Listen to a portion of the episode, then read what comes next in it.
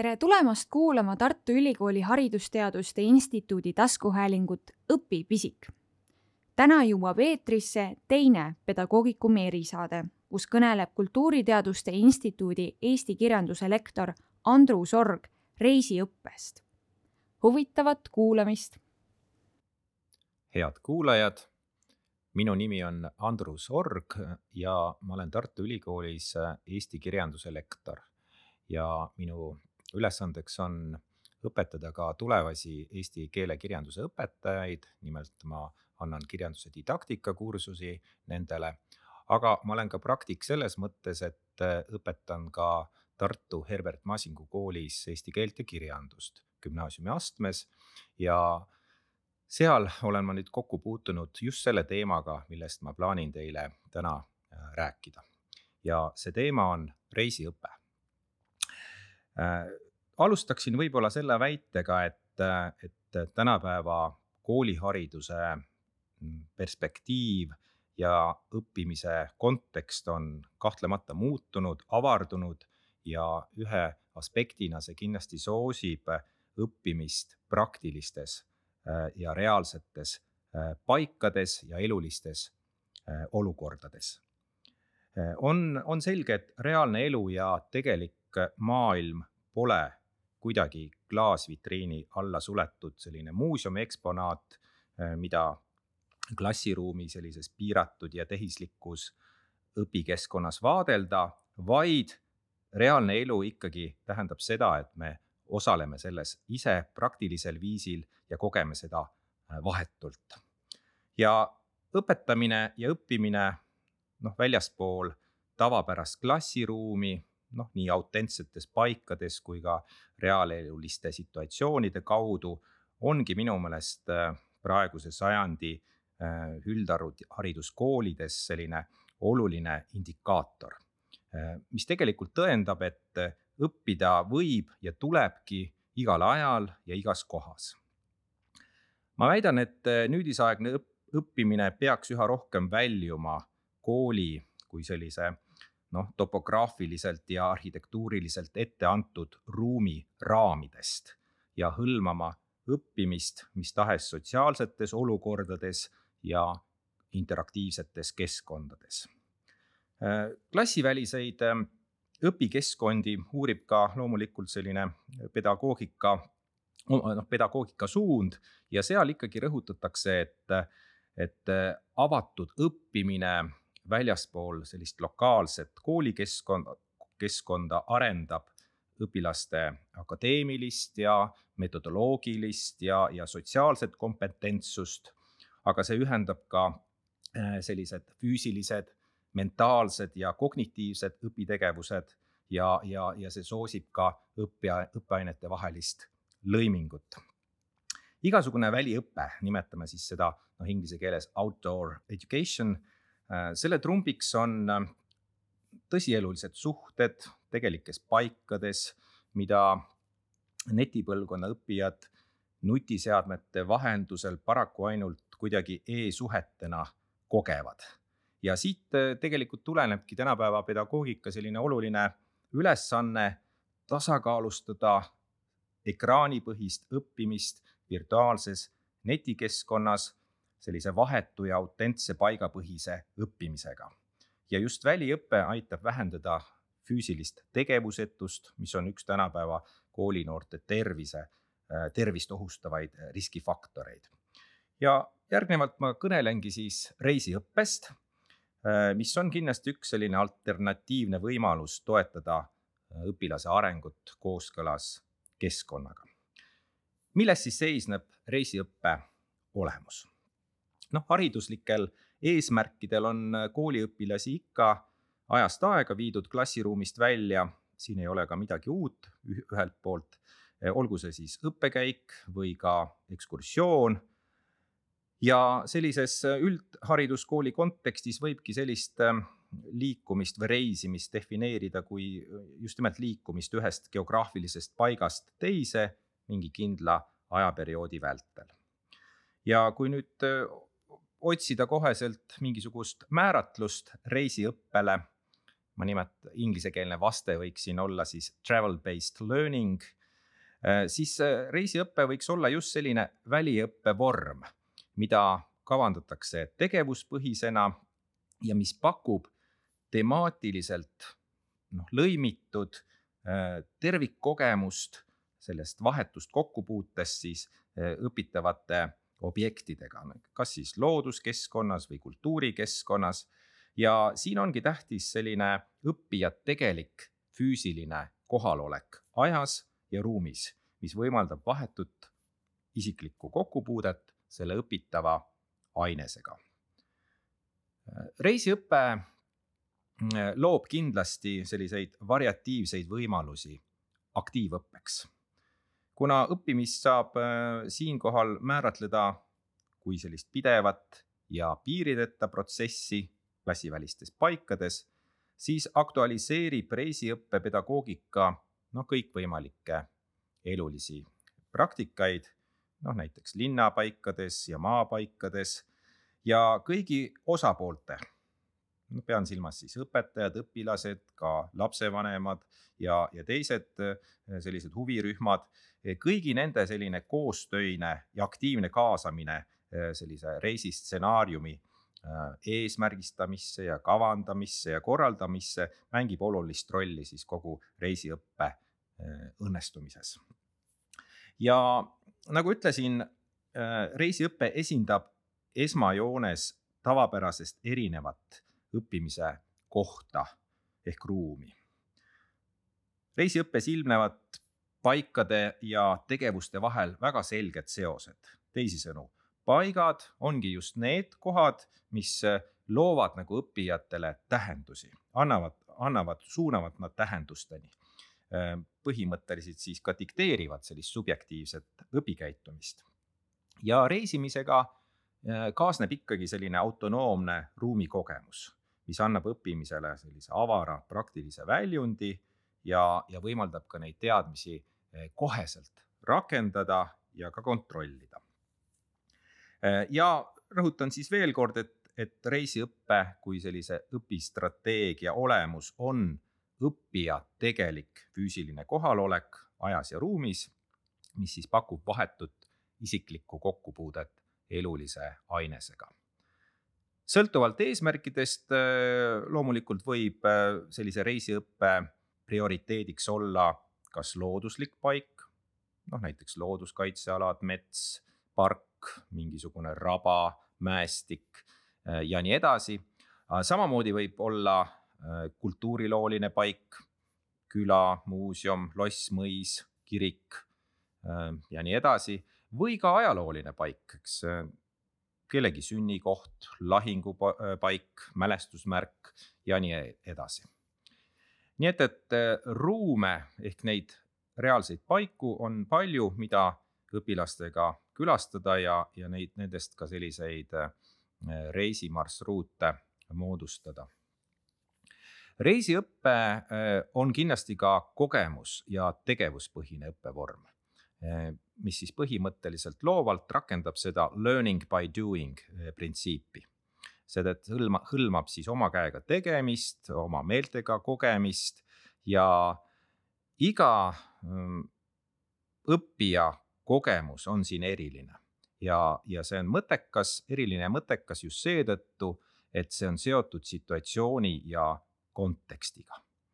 Eh, pakub siin võimalusi tajuda uusi kujutisi liikumisi, rütme, lõhnu, helisid ja nii edasi.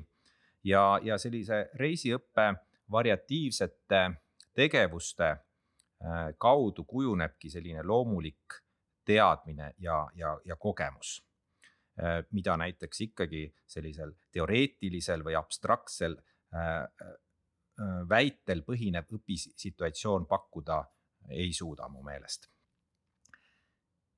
ja veel ühe aspektina tooks välja reisiõppe sellise tunnusejoone, et äh, selline paikade ja tegevuste ühtsus toob reisiõppe fookusesse noh, mitmesugused sellised praktilised või tõsielulised probleemid.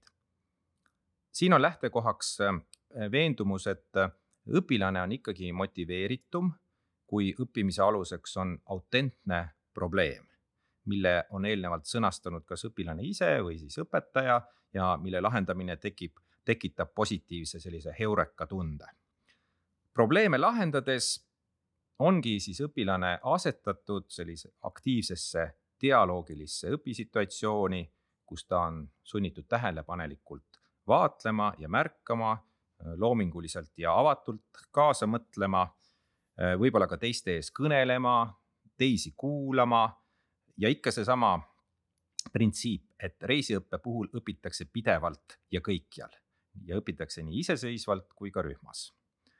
ja erinevalt aineõppest kuskil suletud klassiruumi tingimustes võibki reisimisel, reisiõppe puhul iga õpilane kogeda sellist vaba ja loomulikku õppimise voolu, mis eeldatavalt viib ka temaatiliselt lõimitud tervikute tajumiseni.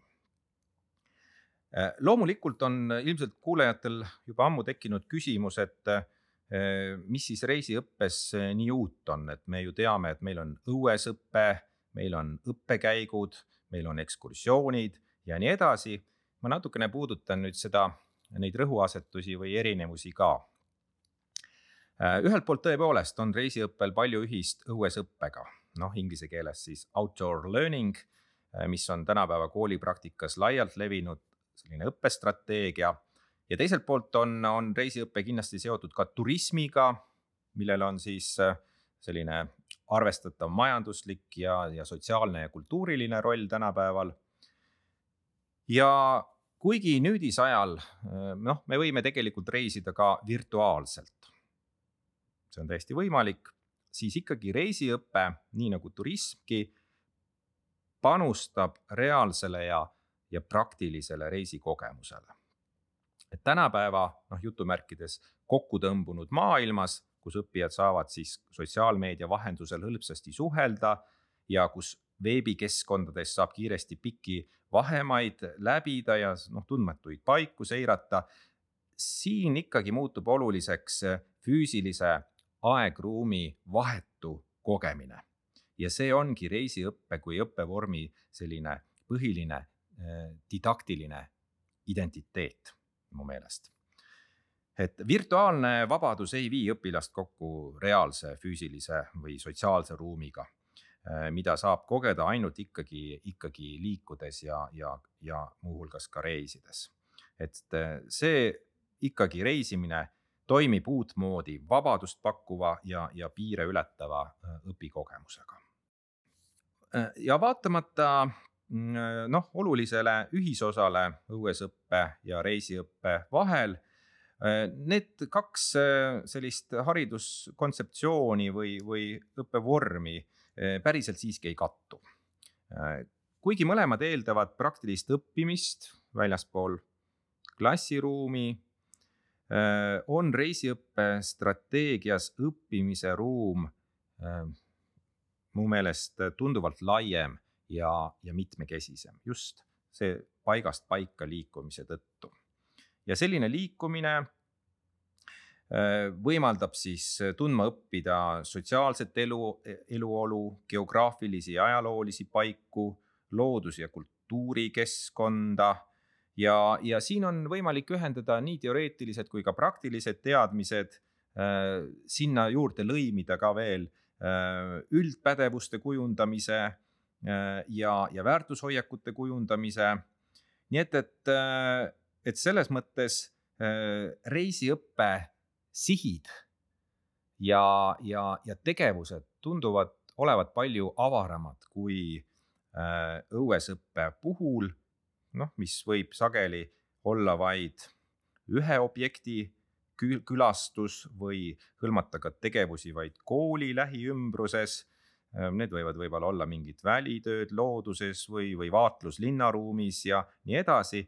et äh, reisiõppe puhul ikkagi, kus võiks eeldada sellist noh, näiteks mitte ainult ühepäevaseid reise, vaid ka kahe-kolme ja miks mitte ka äh, nädalapikkusi reise õpilastega, seal on ilmselgelt need äh, eesmärgid ja, ja tegevused palju äh, mitmekülgsemad.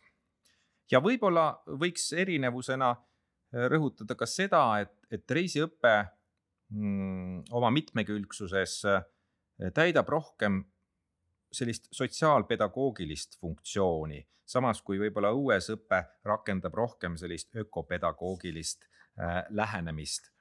Ja noh, teisisõnu öeldes, et, et võib-olla need sotsiaalsed vajadused äh, ja pädevused on reisiõppe puhul rohkem esil kui, kui õuesõppe puhul.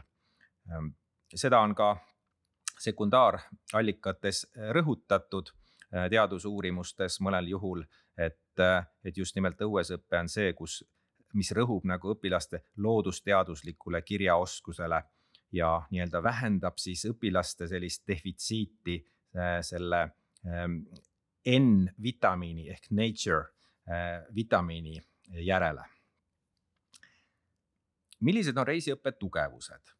siin tooksin välja veel mõned momendid noh, kahtlemata reisiõpe võimaldab saavutada olulisi õpiväljundeid nii teadmistes, oskustes kui ka hoiakutes, are-, arendada ehm, nii oma peaga mõtlemist kui ka oma kätega tegemist kui ka oma südamega tundmist.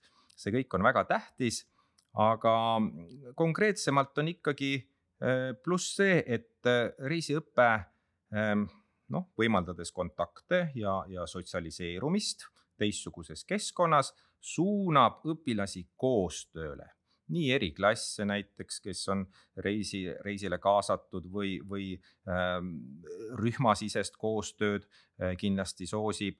et rühmas, rühmas reisimine tähendab ikkagi jagatud kogemusi. Ja need peavad olema ehtsad, need peavad olema peegeldatavad, suhestatavad, need kogemused on kindlasti kehastunud kuidagi. Ja, ja reisiõpe on selline sotsiaalne dialoogiline õppimine, mis edendab lähikontaktidel põhinevat kommunikatsiooni ja koostööd ja, ja loob siis rühmaliikmete vahel ka sellist sidusust ja, ja, ja toetust.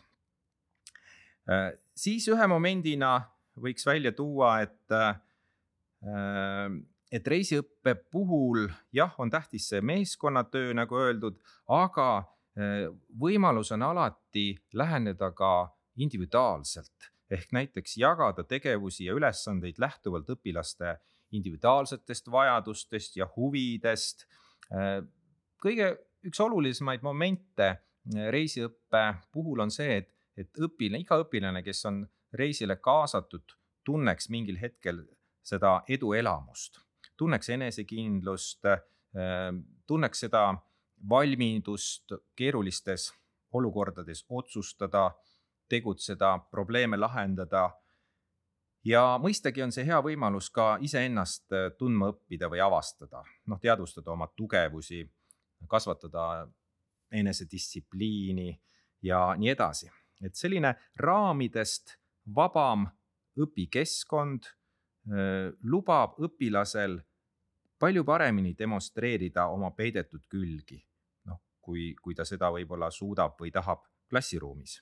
Ja, ja see annab ka õpetajale eh, kinnituse eh, noh, nii-öelda eh, või, või, või annab kinnitusele seda õpi-, õpilast kuidagi kiita või tunnustada, igal juhul märgata. siis võiks reisiõppe tugevusena kindlasti nimetada ka seda, et, et selles meeskonnatöös ja rühmas kindlasti suureneb ka rühmasisene usaldus, turvalisus, äh, positiivne enesehinnang kindlasti. üldisemas plaanis reisiõpe kujundab sellist aktiivset ellusuhtumist ja, ja eluks vajalikke toimetulekuoskusi, noh näiteks kasvõi seda, kuidas lõkkeplatsil lõket põlema saada. ja loomulikult eks see aitab kogeda, adekvaatselt tajuda ka aega ja ruumi, aja ja ruumi proportsioone, noh näiteks kasvõi seda, millised on paikadevahelised distantsid, vahemaad.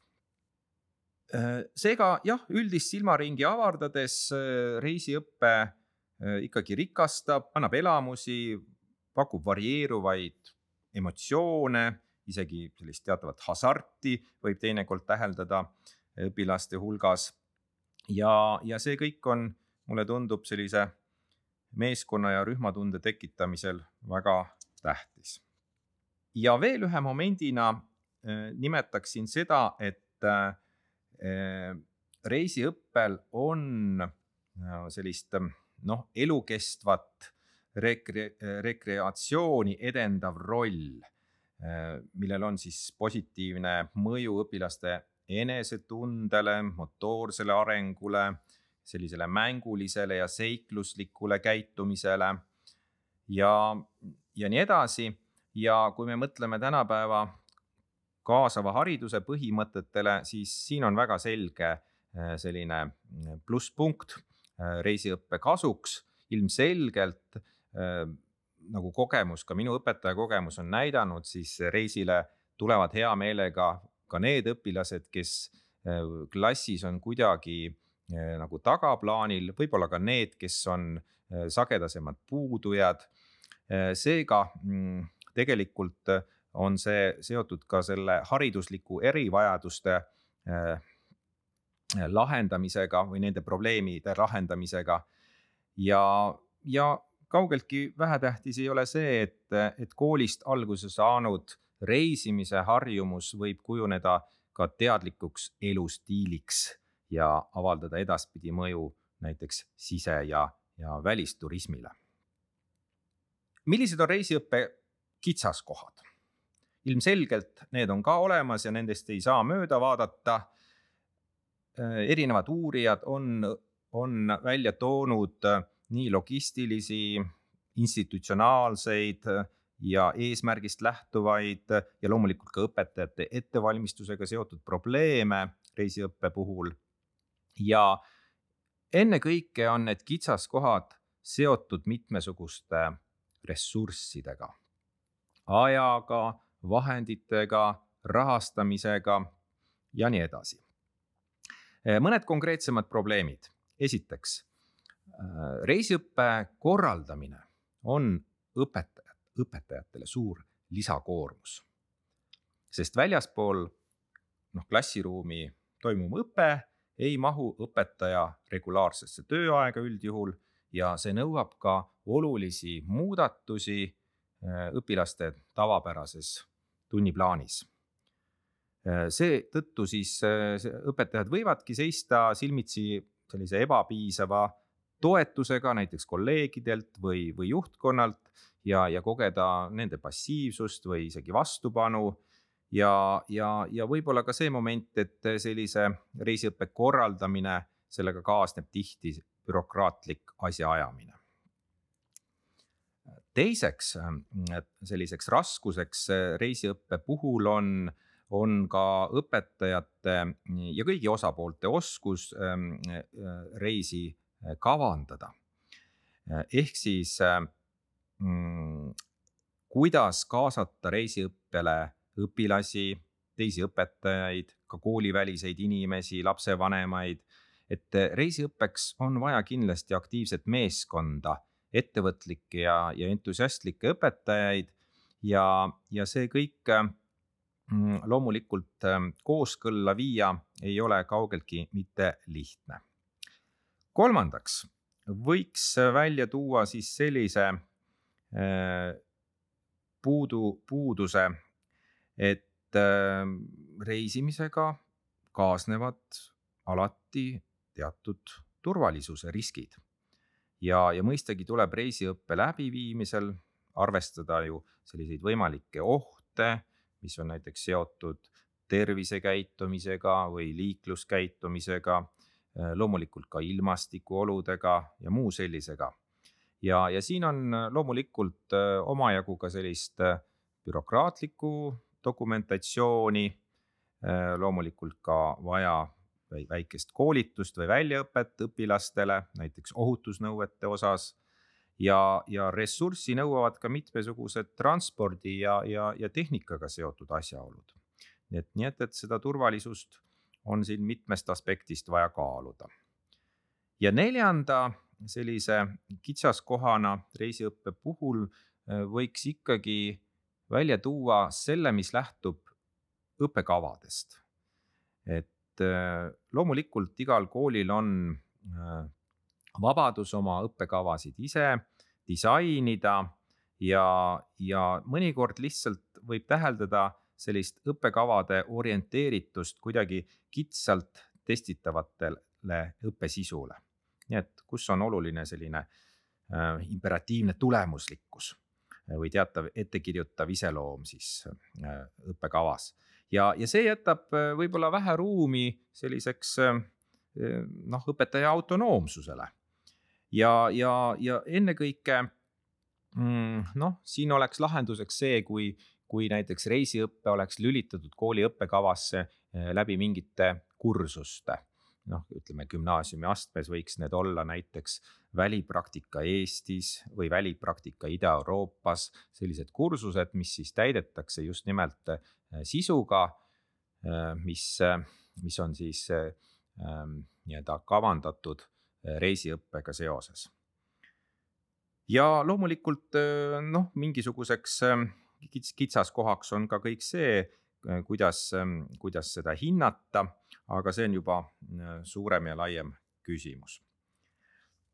Äh, siit edasi võiks rääkida reisiõppe raamstsenaariumist, et ähm, oleme siin oma väikese töörühmaga äh,, mina ja, ja Olga Šihalejev on ka selle töörühma liige olnud, oleme uurinud reisiõppega seotud kirjandust ja, ja, ja tekkis vajadus nagu kujundada selline raamstsenaarium. Ühesõnaga, see on selline pedagoogiline mudel, mis äh, esitaks äh, sidusalt ja terviklikult kogu selle reisiõppe kavandamise, et kogu selle reisiõppe õppeprotsessina. Ja samas noh, et see mudel ei oleks selline jäik, vaid siia, siin oleks võimalik ikkagi loovalt, paindlikult ja, ja eesmärgipäraselt seda kohandada erinevatele õpirühmadele ja vaat selline reisiõppe raamstsenaarium siis äh, noh, tegelikult siis meie vaates hõlmabki äh, eesmärke. Äh, see määratleb ka olulisemad õpiväljundid, kirjeldab aja ja kohaga seotud tegevusi nii enne reisi, reisi ajal kui ka pärast reisi. see osutab ka õppeainetele ja, ja õppeteemadele, mida on võimalik lõimida Ähm, nii teadmiste, oskuste kui ka hoiakute kujundamisel ja sellises mudelis on ka koht ähm, see õppekava alusväärtustele, üldpädevustele ja läbivatele teemadele. ehk siis ilmselgelt see reisiõppe raamstsenaarium hõlmab erinevaid asjaolusid, mis on seotud reisi äh, korraldamisega. Ehk seal on tähtsad nii aeg, koht kui ka tingimused, seal on tähtsad nii see periood, kontekst kui ka ressursid, seal on tähtsad teadmised, oskused ja hoiakud ja siis lõimingu võimalused eh, mitte ainult horisontaalselt õppeainetega, vaid ka läbivate teemade, üldpädevuste ja alusväärtustega. ja loomulikult see, selle mudeli üks osa on siis ka tagasiside ja hindamine. koolipraktikas äh, realiseerub selline raamstsenaarium, mis on selline üldine mudel, juba ikkagi konkreetse õpistsenaariumina, kus siis juba kirjeldatakse täpselt ja, ja sidusalt, äh, kus, millal ja mis tingimustel see õppeprotsess, täpsemalt siis reisiõppe ähm, periood aset leiab. Äh, no näiteks ähm, äh, oma õpetaja kogemusest võin meenutada loomulikult palju selliseid reise, äh, mida õpilastele oleme kavandanud erinevate aineõpetajatega koostöös nii Eestimaa pinnal kui ka, kui ka Lätimaal, Leedumaal, ka sealt edasi Ida-Euroopa teistes riikides. ja Need on olnud erineva pikkusega, aga noh, näiteks kavandades kahepäevast reisi Peipsi piirkonnas, siis ikkagi on teatud, teatud kindlad äh, asjad, mida mida me selle reisiga siis taotleme. noh, loomulikult see kultuuripärandi ja looduskeskkonna tundmaõppimine. Selleks teostatakse erinevaid õpitegevusi erinevates õpiaine, õppe, õppeainetes, olgu see siis eesti keel, kirjandus, ajalugu, geograafia, kehaline kasvatus, muusika ja nii edasi. et tegelikult kõik õppeained on võimalik äh, sellesse äh, lõimida. Ehm, noh, mida kõike Peipsi-äärne piirkond pakub, loomulikult vene vanausuliste ajalugu ja kombeid, piirkonna murdekeelt, äh, ajaloolisi küla arhitektuuri ja mõisaarhitektuuri kohalikku toidukultuuri, äh, rannikukalapüük, sibulakasvatus. Äh, ei tohi unustada ka Peipsi äärest pärit kirjanikke, kunstnikke ja heliloojaid äh, ja nii edasi. ehk siis ähm, see annab nagu sellise tervikliku, üsna tervikliku, julgeks öelda, ja mitmekülgse kahtlemata ettekujutuse selle piirkonna olevikust, aga ka minevikust ja selline konkreetne õpistsenaarium. Ehm, jah, mis on siis välja kasvanud sellisest raamstsenaariumist, et selline konkreetne õpistsenaarium realiseerub omakorda paljude õpilugudena, õpilugudena ja need õpilood on isiklikud, nad on individuaalsed, nad on õppijate omad, aga nad on ka äh, õpetajate omad, noh, õpetaja on ka tegelikult sellises situatsioonis õppija mingis mõttes, vähemasti äh, selline õppija, kes oma äh, tööd reflekteerib. Ja vot selline õpilugu võimaldabki siis noh, peegeldada sellist personaalset õpikogemust ja, ja õpetaja vaatepunktist siis õpetamiskogemust. Mida siis ähm, reisiõppe raames teha saab, pean silmas siis tegevusi ja ülesandeid erinevaid ja see äh, spekter sõltub loomulikult äh, õpetaja võimekusest, õpilaste huvidest, ettevõtlikkusest, fantaasiast. Reisi käigus võib lahendada probleeme, sooritada mitmesuguseid ülesandeid, täita töölehti, küsida küsimusi ja vastata neile. Ähm, sellised reisiõppe ülesanded arendavad kindlasti vaatlemis- ja märkamisoskust mõtlemist, seoste loomisoskust, harjutatakse nii iseseisvat tööd kui ka koostööd rühmas. Mm, noh, arendatakse suhtlemisoskust ja, ja suhtlemisjulgust kindlasti, loogilist mõtlemist, loovust, kujutlusvõimet ja nii edasi. ja noh, konkreetsemaid tegevusi nimetades kindlasti oluline on kaardi kasutamine ja selle põhjal orienteerumine siis ka infotahvlite lugemine, fotojaht, miks mitte, objektide pildistamine, siin võib ka ette antud kriteeriume, ähm, jah, kriteeriume ette anda. Ähm, võib ka kooli reisiõppega äh, siduda mingid tellitud giidiloengud või haridusprogrammid siis kohapealsetes paikades Äh, siis kindlasti sellised väikesed lühiloengud ja ettekanded õpilastelt endalt, et need ei pea olema kindlasti mm, õpetaja läbi viidud, vaid ka õpilaste ette valmistatud.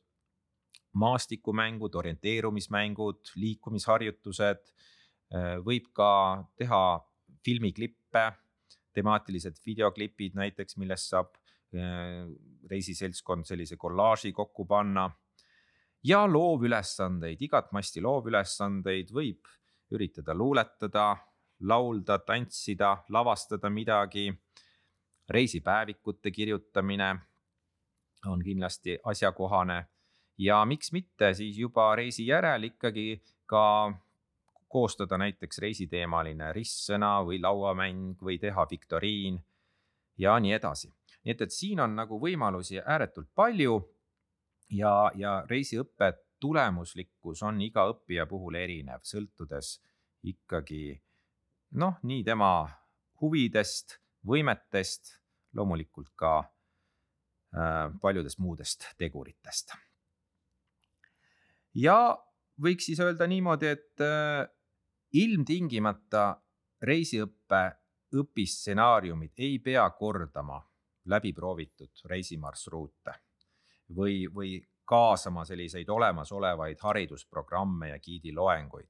et see kõik on ka väga tänuväärne loomulikult, aga uusi õpistsenaariume võib ikkagi iga kool ja iga klass ja õpetajad koostöös äh, ise disainida süsteemselt ja eesmärgistatult ikkagi ja, ja võib-olla see ongi selle reisiõppe võlu, et seda kõike tehakse nagu üheskoos algusest lõpuni. nii et, et, et äh, ühelt poolt jah, see ettevõtlikkus ja algatus on kellegi oma, aga sinna on kaasatud ikkagi nii enne reisi, reisi ajal kui ka pärast reisi äh, kõik need osalejad õpilased, teised õpetajad, vanemad, võib-olla ka juhtkond ja, ja veel kolmandad osapooled, kes, kes on kuskil äh, reisi sihtpunktides. nii et, et see eeldab muidugi äh, sellist ettevõtlikkust ja, ja äh, head koostööd. ja nüüd, kui proovida kuidagi, kuidagi kokku võtta äh, selle reisiõppe sellised äh, põhiprintsiibid, siis äh, kindlasti tuleks rõhutada seda, et reisiõpe pakub selliseid ilmselgeid didaktilisi alternatiive äh, liiga formaalsele haridussüsteemile. et see on võimalus äh, katsetada ja uuendada kindlasti ja võib-olla need kolm olulist tasandit ongi, et teadmiste, oskuste, hoiakute tasand, inimese ja paiga suhte kujundamise tasand ja inimese tervise ja heaolu eest seismise tasand. et ähm, kõik need kokku äh, on reisiõppes väga tugevasti esindatud. Äh, selles mõttes reisiõpe stimuleerib sellist autonoomset ja, ja aktiivset õppimist avarate piiridega õpikeskkonnas, kus siis äh, on võimalik kujundada sellist loomulikku õpikäitumist, tunda sellest kogetust, rahu, rahulolu ja, ja mõtestada äh, maailma kui tervikut. Äh, loomulikult reisiõppe pedagoogika tänapäeva koolihariduses vajab mitmekülgsemat rakendamist, aga see vajab ka teaduslikku uurimist mu meelest. see on reisimahukas õppevorm ja, ja selles mõttes selle rakendamiseks ongi oluline uurida Äh, reisiõppe äh, sellist ähm, tulemuslikkust võrreldes teiste õppevormidega. ja lõpetuseks soovin siis kõikidele koolidele ja õpetajatele ettevõtlikkust reisiõppe korraldamiseks ja, ja sellise nüüdisaegse õppevormi rakendamiseks, et olla maailma enese epitsentris. Tänan kuulamast